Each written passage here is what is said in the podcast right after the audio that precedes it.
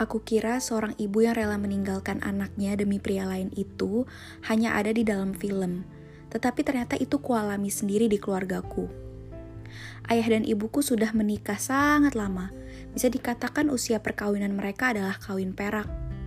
Mereka telah dikaruniai tiga orang anak. Ada kakak aku laki-laki, aku perempuan anak tengah, lalu ada adik aku laki-laki. Kata orang, jadi anak tengah itu tidak menyenangkan karena perhatiannya selalu terbagi antara kakak dan adik. Lagi-lagi kupikir itu hanyalah argumen banyak orang, tetapi ternyata itu nyata. Sejak kecil aku terbiasa mengalah dan berusaha menjadi dewasa untuk adikku. Mereka bilang aku memiliki sifat yang cukup pendiam.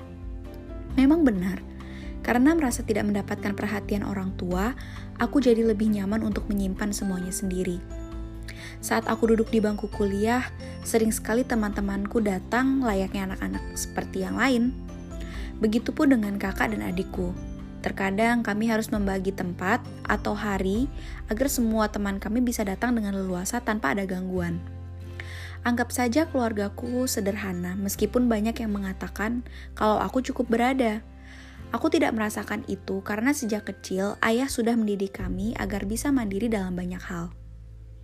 Dari kami bertiga, tidak ada yang memiliki bayangan seperti apa kehidupan pribadi ayah dan ibu.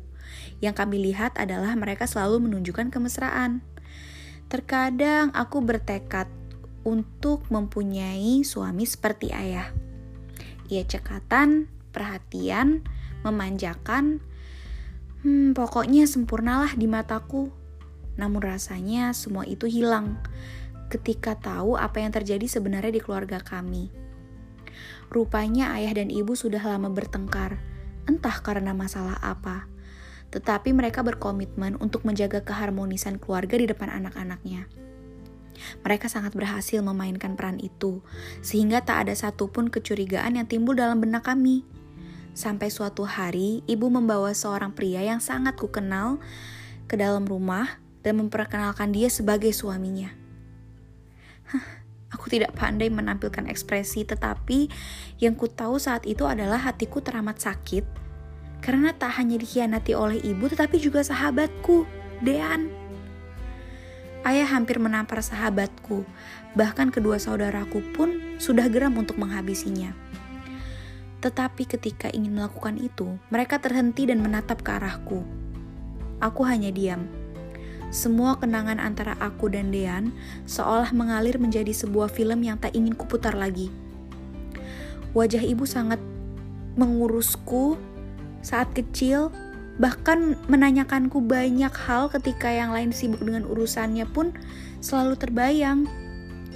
Semua orang di dalam ruangan itu terdiam. Pergi! Ucapku.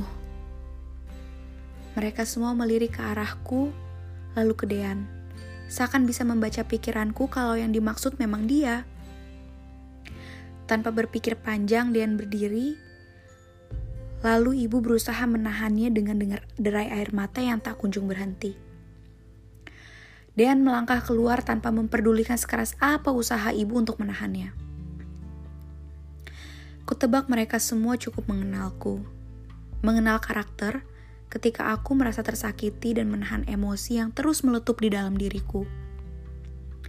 Ibu kembali ke tempat duduknya dan sama sekali tidak berani menatap wajahku, padahal aku ingin sekali melihat matanya. Ingin melihat apakah ada rasa penyesalan yang mungkin saat itu hanya ada sedikit di dalam dirinya, tetapi aku tidak bisa karena ia selalu menundukkan wajahnya.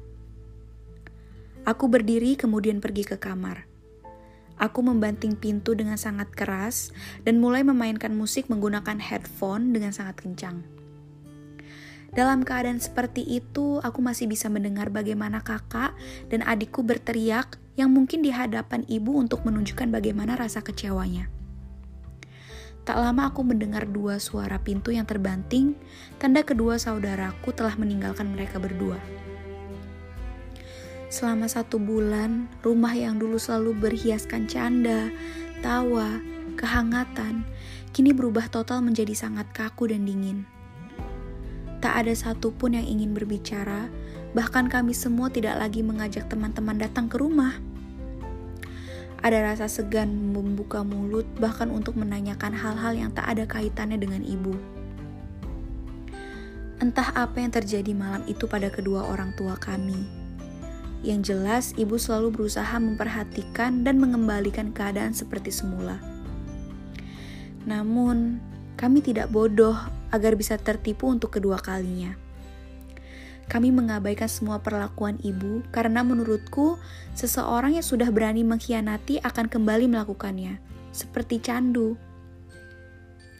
Aku menganggap mereka yang sudah pernah melakukan itu akan merasa ada yang hilang dalam dirinya jika mereka setia. Tidak ada hal yang sangat memacu adrenalinnya, sehingga menganggap perselingkuhan adalah sesuatu yang seru. Benar saja dugaanku Tingkah ibu semakin terlihat kalau ia sedang memiliki kekasih, bahkan beberapa temanku menanyakan tentang hubungannya dengan Dean. Rupanya ini bukan kali pertama mereka melihat Dean dengan ibuku, tetapi mereka menganggap kalau itu adalah hal biasa.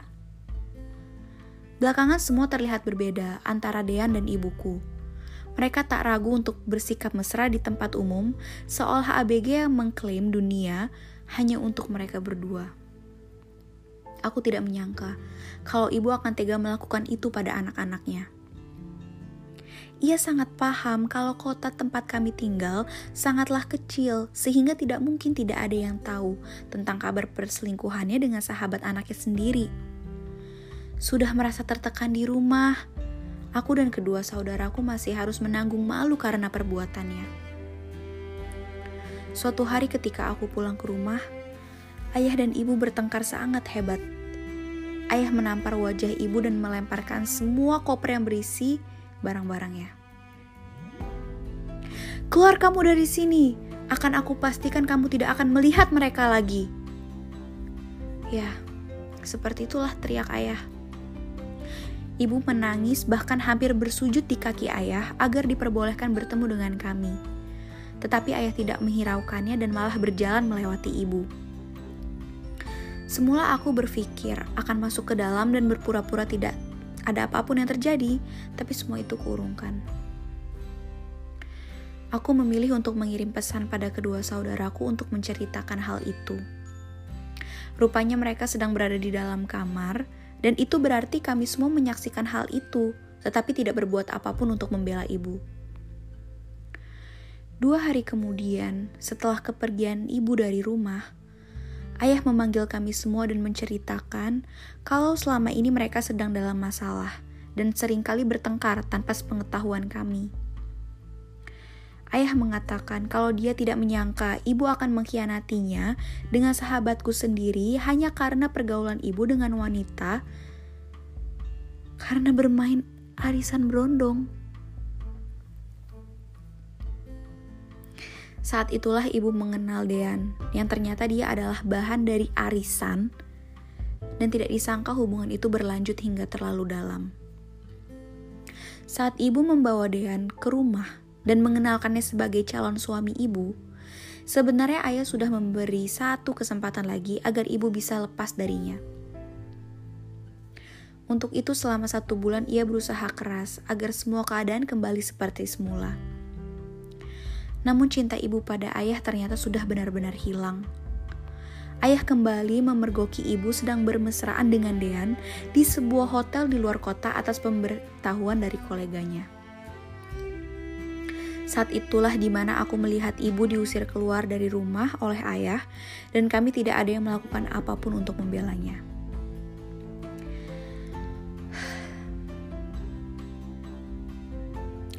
Sebenarnya ayah membolehkan kami untuk bertemu dengan ibu. Entah bagaimana dengan kedua saudaraku, tetapi buatku rasanya itu tidak akan pernah terjadi. Hanya berselang tiga bulan setelah kejadian itu, aku mendapat kabar kalau ibu menikah dengan Dean di salah satu kota yang cukup jauh. Ada rasa sesak di dalam hatiku, tetapi semua itu berusaha tepis agar bisa melanjutkan hidup. Sejenak, kejadian itu, aku tidak pernah lagi mengenalkan pasanganku, apalagi mempercayai teman yang memang sudah dekat denganku.